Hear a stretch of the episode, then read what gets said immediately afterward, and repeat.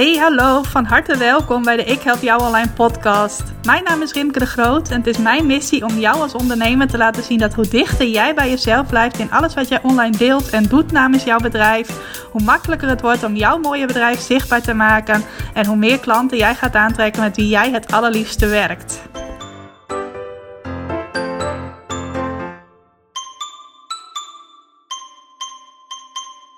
Hey, welkom van harte welkom bij weer een nieuwe aflevering van de Ik Help Jou Alleen podcast. Wat super leuk dat je vandaag luistert.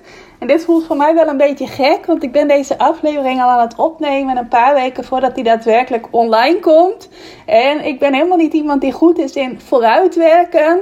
Uh, had ik al toen ik nog als journaliste werkte. Dan kreeg je altijd van een klant een deadline mee waarop je je verhaal moest inleveren. Nou, mijn klanten moesten er vooral niet op rekenen dat ik dan al drie, vier, vijf dagen of nog verder van tevoren mijn verhaal al inleverde. Want ik was, uh, zoals ze dat wel noemen, echt een deadline junkie. Dus ik leverde het of op de dag van de deadline in of hooguit één dag van tevoren. Maar niet al te ver van tevoren. En dat breekt mij nu, nu ik een online bedrijf heb, een heel ander soort bedrijf waarbij je geen klanten zijn tegen wie je kan zeggen: uh, Jullie geven mij gedurende het hele jaar opdrachten, doe dat nu maar even niet, want ik heb zo vakantie. Nee, ik bepaal mijn eigen agenda en ik heb mijn eigen taken. En dan vind ik het nog wel eens lastig om echt goed vooruit te denken en vooruit te plannen. En dat breekt mij dus wel eens op als mijn uh, zomervakantie een aantocht is. Dan zijn er ook vormen van content en taken die ik heel makkelijk eventjes een paar weken op pauze zet. Bijvoorbeeld, ik heb al besloten dat ik uh, deze keer in mijn vakantie niet uh, berichten voor social media ga inplannen. Daar heb ik even helemaal geen zin in. Ik neem lekker een social media vakantie ook. Maar ik vind het wel belangrijk dat er wel elke week een blog van mij online komt. Een e-mail de digitale deur uitgaat. Want dat is wel echt de kern van wat ik aan marketing doe. En ik vind het eigenlijk ook wel leuk als er dit jaar in de zomer wel elke week een podcast van mij te beluisteren is. En voor deze aflevering pas ik even een tip toe die ik net vanmorgen gehoord heb in een interview dat ik deed met mijn klant Marit Postma. Dat is ook al op de podcast verschenen op het moment dat jij deze aflevering beluistert. En zij gaf als tip om content die je al in één vorm gecreëerd hebt, om die ook in andere vormen te gieten. Dus bijvoorbeeld als je al ergens een blog over geschreven hebt, maak er dan ook een podcast over of maak er ook een video over. Of als je al ergens een video over gemaakt hebt, maak er dan ook een podcast of een blog over. Je snapt het principe. Nou, het heeft niet alleen maar te maken met uh, dat mensen nu helemaal verschillende voorkeuren hebben. De een die luistert liever, de ander leest liever en weer een ander kijkt liever video's. Maar ook dat sommige mensen gewoon simpelweg geen keuze hebben, omdat zij een bepaalde beperking hebben. Dus bijvoorbeeld iemand die slechtziend is, die heeft liever een uh, podcast dan een blog of een video. En iemand die doof is, die heeft niet zoveel aan een podcast of aan een video. Tenminste, een video kan wel als het ondertiteld is. Maar die is vaak beter geholpen met een blog. Nou, dat gaf mij weer nieuwe inspiratie. Dus ik ben eens even gaan kijken welke van mijn blogs doen het de afgelopen tijd goed in Google. Uh, wat dan weer een indicatie is dat mensen dat een interessant onderwerp vinden. En hoe kan ik daar ook een podcast over opnemen. Nou, en voor deze week heb ik het onderwerp uitgekozen. Hoe krijg je meer bezoekers naar je website met een goede meta-descriptie? En allereerst wil ik je even meenemen in wat is precies een meta-descriptie. Want misschien heb je dat woord wel eens gehoord, uh, maar weet je niet precies wat het is. Misschien heb je er ook überhaupt nog iets van gehoord. Nou, op het moment dat jij iets zoekt in Google, dan krijg jij een pagina met zoekresultaten tevoorschijn. Die komt dan tevoorschijn en daar staan dan verschillende zoekresultaten op. Het zijn er uh, altijd tien die organisch verkregen zijn, dus van websites die daar uh, staan zonder dat ze adverteren in Google. Nou, vaak is het ook nog zo dat er advertenties boven staan, dat zijn dan betaalde resultaten. Maar ja, dat even terzijde. Elk zoekresultaat dat je daar ziet staan bestaat uit een aantal onderdelen. Nou, dat is, aan de ene kant is dat de URL, oftewel de link naar de betreffende website waar je vanuit Google naar door kunt klikken. Uh, tweede deel is een titel. Dat staat altijd in blauwe letters. Dus de titel van de pagina of van een blog want een blog heeft ook een meta-descriptie. En daaronder staan er nog één of meer regels tekst. Nou, en die regels tekst, dat is de meta-descriptie. Dus je kunt dat ook wel zien als een korte beschrijving van wat iemand die op de link klikt mag verwachten. Wat is er te vinden op de pagina of in het blog waar je naar doorklikt. Dus dat is uh, een meta-descriptie, eigenlijk een beknopte samenvatting van je websitepagina. Nou, meta-descriptie wordt ook wel meta-beschrijving genoemd. En misschien uh, werk jij al met de plugin Yoast SEO, of heb je daar wel eens van gehoord? Dat is een plugin voor WordPress. Nou, daar zijn ook nog weer andere varianten van voor als jij je website met andere software hebt gebouwd of hebt laten bouwen. Maar uh, Yoast SEO geeft jou de kans om een metadescriptie in te vullen voor jouw uh, websitepagina of voor jouw blog. Daar kun je een metadescriptie invullen. Nou, en aan de ene kant is het ook heel logisch om dat elke keer te doen als je een nieuwe pagina op je website creëert of als je een nieuw blog schrijft. Aan de andere kant, en dat gebeurt mijzelf ook heel vaak, vergeet je dat ook wel eens. Ofwel uh, omdat je niet weet waarom het belangrijk is, ofwel uh, nou, uit een beetje gemakzucht van yes, mijn blog is klaar, hup, publiceren, dan kan de wereld in. En die metadescriptie die blijft er dan bij. Nou, wat er gebeurt op het moment dat jij daar zelf niet iets invult, gaat Google daar voor jou iets invullen. Gaat daar sowieso iets te zien zijn op het moment dat jouw website, jouw blog, jouw pagina tevoorschijn komt als zoekresultaat. Dus iemand googelt ergens naar en ook jouw website komt tevoorschijn. Het zal niet zo zijn dat er dan ineens een leeg uh, wit vak staat. Nee, er staat altijd iets. En wat Google doet op het moment dat jij daar niet iets invult, zal Google meestal de eerste paar zinnen of de eerste zin die op jouw pagina staat, daar gaan plaatsen. Nou, wat gebeurt er dan meestal? Uh, dan wordt er meestal een zin ergens halverwege afgebroken. Want op het moment dat jij niet bewust een metadescriptie geschreven hebt, zal je meestal ook niet bewust al de ideale lengte hebben. Misschien dat het af en toe eens voorkomt, maar over het algemeen, uh, ja, dan moet je wel heel veel uh, geluk hebben, heel veel toeval hebben, wat ook maar het juiste woord is.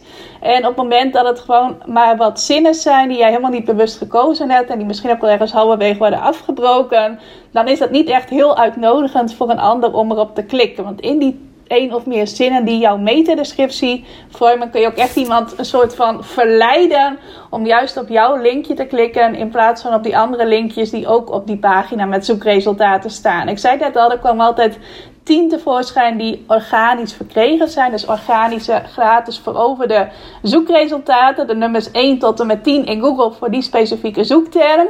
Nou, en degene die er dan ook nog het meest aantrekkelijk uitzien, die hebben extra kans dat daarop geklikt wordt. Natuurlijk is het ook zo, degene die bovenaan staat, daar zal het meest op geklikt worden over het algemeen. Dan de nummer 2, dan de nummer 3, dan de nummer 4.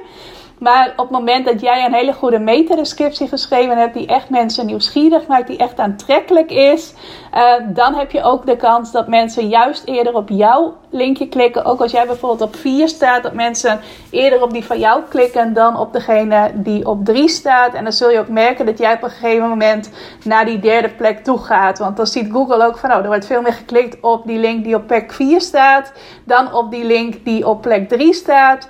En dan ga jij juist naar plek 3 toe. Dus het is zeker in je voordeel om een goede metadescriptie te schrijven. En dus niet je te laten leiden door die gemakzucht van yes, mijn blog is klaar.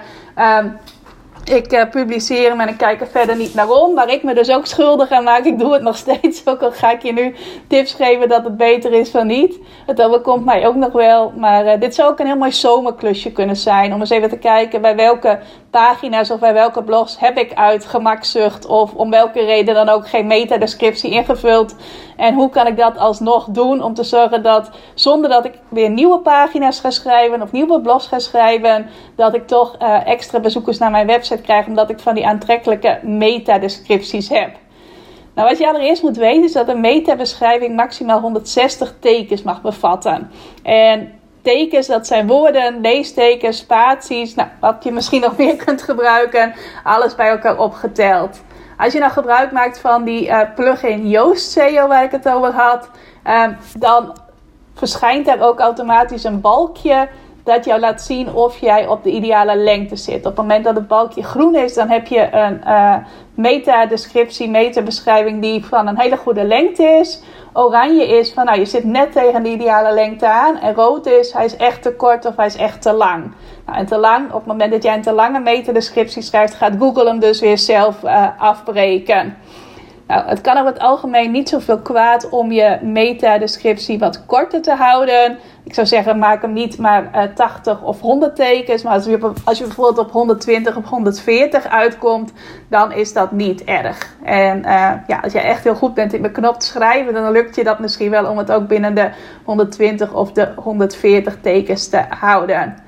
Nou, de metadescriptie heeft in de basis twee functies. En eentje daarvan die noemde ik net al. En dat is dat jij um, aantrekkelijk maakt, echt op een aantrekkelijke manier schrijft, waardoor iemand denkt van hé, hey, hier word ik nieuwsgierig naar, op deze link ga ik klikken. Dus woorden gebruiken die jouw uh, Googleaars nieuwsgierig maken, die laten zien van oh, je moet echt naar mijn pagina gaan, want daar ga je de beste of de leukste informatie of inspiratie vinden. Dat is uh, een taak die je hebt in je meta-beschrijving. Maar je kunt hem ook gebruiken om er goede zoekwoorden in te verwerken. Want Google kijkt ook naar jouw metadescriptie om te bepalen uh, door wie wil je graag gevonden worden. Naast dat Google kijkt wat heb je nou echt op je pagina geschreven of in je blog geschreven, neemt Google ook die metadescriptie mee om te bepalen van hé, hey, waar wil jij op gevonden worden? Nou, je kunt daar gewoon eigenlijk dezelfde zoekwoorden in gebruiken die je ook al in de pagina of in het blog hebt gebruikt. Dus je hoeft daar niet weer hele andere zoekwoorden uh, voor te verzinnen. Het kan wel zijn dat je denkt, oh, dat ene zoekwoord dat kon ik niet kwijt in de pagina of in het blog, maar die ga ik wel verwerken in uh, mijn metadescriptie. Zorg er wel voor dat het wel lekker leesbaar blijft, want op het moment dat je gaat overdrijven en je hebt een hele kromme zin, maar je hebt er wel extra zoekwoorden in staan, uh, daar wordt Google niet blij van. Google houdt er wel van dat je ook gewoon op een lekker leesbare manier schrijft. Dus probeer daar een juiste balans in, uh, in te vinden.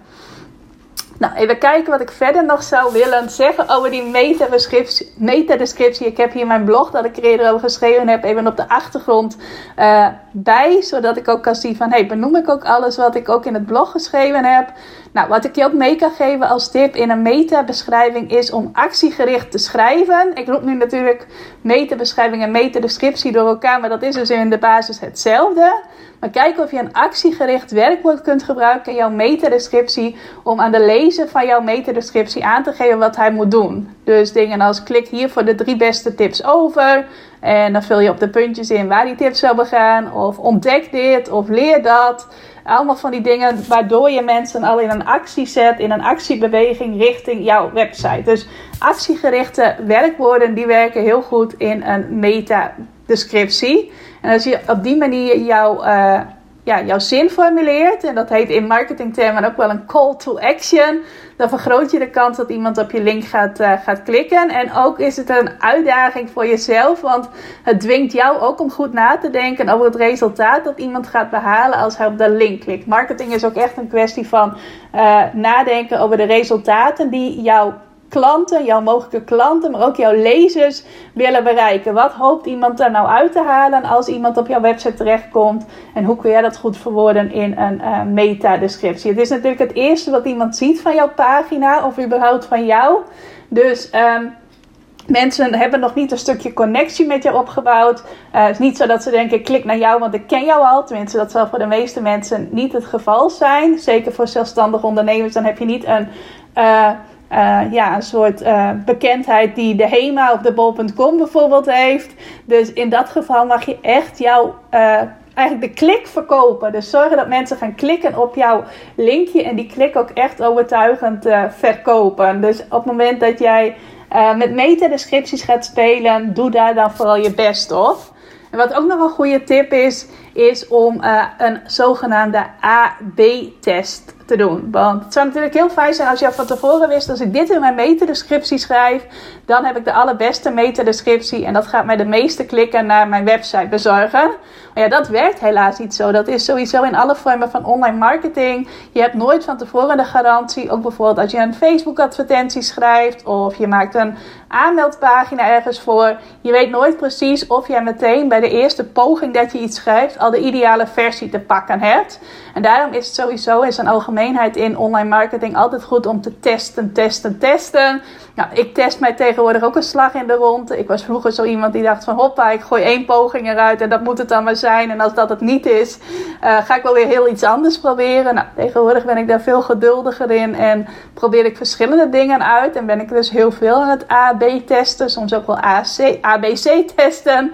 Ja, je weet nooit van tevoren of dat, die eerste poging die jij onderneemt, of dat meteen je beste is. Dus op het moment dat jij metadescripties gaat schrijven, ga dan bijvoorbeeld ook twee verschillende teksten schrijven. En probeer dan ene maand, de eerste maand, de ene versie uit. En de tweede maand de tweede versie. Zo'n nieuwe metadescriptie is ook eigenlijk gelijk zichtbaar in Google. Dus Google pikt dat ook vrij snel op. En dan kun je vervolgens zien in welke periode jij de meeste klikken naar die betreffende pagina of dat betreffende blog hebt gehad.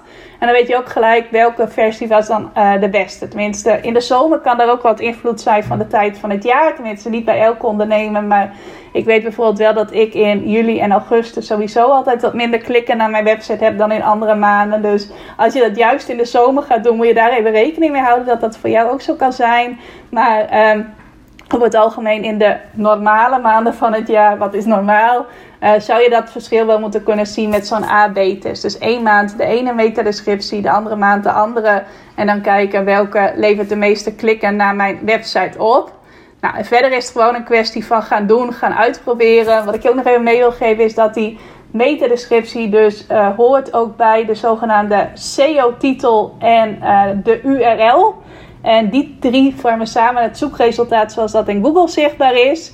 Nou, die SEO-titel die kun je ook gerust gaan veranderen. Misschien zie je ook wel op het moment dat jij metadescripties gaat schrijven, dat er wordt aangegeven, zeker als je met Yoast SEO werkt, dat sommige SEO-titels te lang zijn. Dus wat je in het bovenste balkje dan kunt invullen in dat gedeelte bij Yoast SEO. Dat klinkt nu heel abstract, maar op het moment dat je daarmee werkt, dan weet je waarschijnlijk wat ik bedoel. Nou, die SEO-titel kun je ook gerust nog gaan veranderen. Als je die meer Google-proof wilt maken, er meer zoekwoorden in wilt stoppen of de titel aantrekkelijker wilt maken, dan kun je dat gerust doen. Met URL's veranderen moet je altijd een beetje oppassen. Want die URL's, dat zijn dus linkjes. En het kan zijn dat je zelf al gelinkt hebt naar uh, die pagina. Of dat iemand anders naar jou gelinkt heeft. En op het moment dat jij aan jouw linkjes, jouw URL's gaat rommelen, dan kunnen er dingen misgaan en kunnen dingen gaan doodlopen als het ware. Dus daar moet je altijd voorzichtig mee zijn. Maar die metadescriptie die kun je aanpassen zo vaak als je wilt. En die SEO-titel ook. Nou, en op het moment dat je met Yoast SEO werkt, zie je dat ook wel verschijnen. Als je met iets anders werkt, kijk dan eventjes hoe het daar werkt. Maar het kan dus zeker geen kwaad, zeker als je tijd over hebt, dat is wel heel vaak het woord zeker, in de zomer, om je metadescripties eens door te lopen, te kijken waar heb ik ze niet ingevuld omdat ik in die periode druk was of omdat ik toen nog niet wist dat het belangrijk was. En dan kun je het ook met terugwerkende kracht gaan doen. En doe het zeker ook bij pagina's en blogs die je in de toekomst nog gaat schrijven. Want het helpt dus zeker mee om uh, meer kliks naar jouw uh, website te krijgen. En natuurlijk wil je dat zodat je meer mensen bekend kunt maken met jouw mooie aanbod. En vervolgens ook meer mensen kunt helpen. Nou, dat was hem. Het is een beetje wat kortere aflevering volgens mij dan anders. Nou, komt ook omdat ik dus vooruit aan het werken ben richting mijn vakantie. Dus op het moment dat jij deze beluistert en hij is ook net in deze week verschenen, dan heb ik lekker vakantie. Betekent niet dat je, als je iets wilt vragen over de aflevering of als je mij er een berichtje over wilt sturen, dat je niks van je mag laten horen. Ik zal uh, een paar keer per week wel eventjes mijn mail checken. Dus je kunt me altijd even mailen op rimke.ikhelpjouonline.nl of een berichtje sturen via Instagram rimke.ikhelpjouonline. Want daar ben ik vast in mijn vakantie uh, ook wel uh, te vinden. Dat ik wel wat privé dingen deel in mijn stories en dat soort dingen. Dus als je dat leuk vindt, laat zeker even iets van je horen. Wens ik je nog een hele fijne dag en dankjewel voor het luisteren. Dankjewel voor het luisteren naar deze aflevering van de Ik Help Jou Online podcast. Vind je nou net als ik dat deze podcast nog veel meer mensen mag bereiken en mag inspireren? Zou je mij dan misschien willen helpen?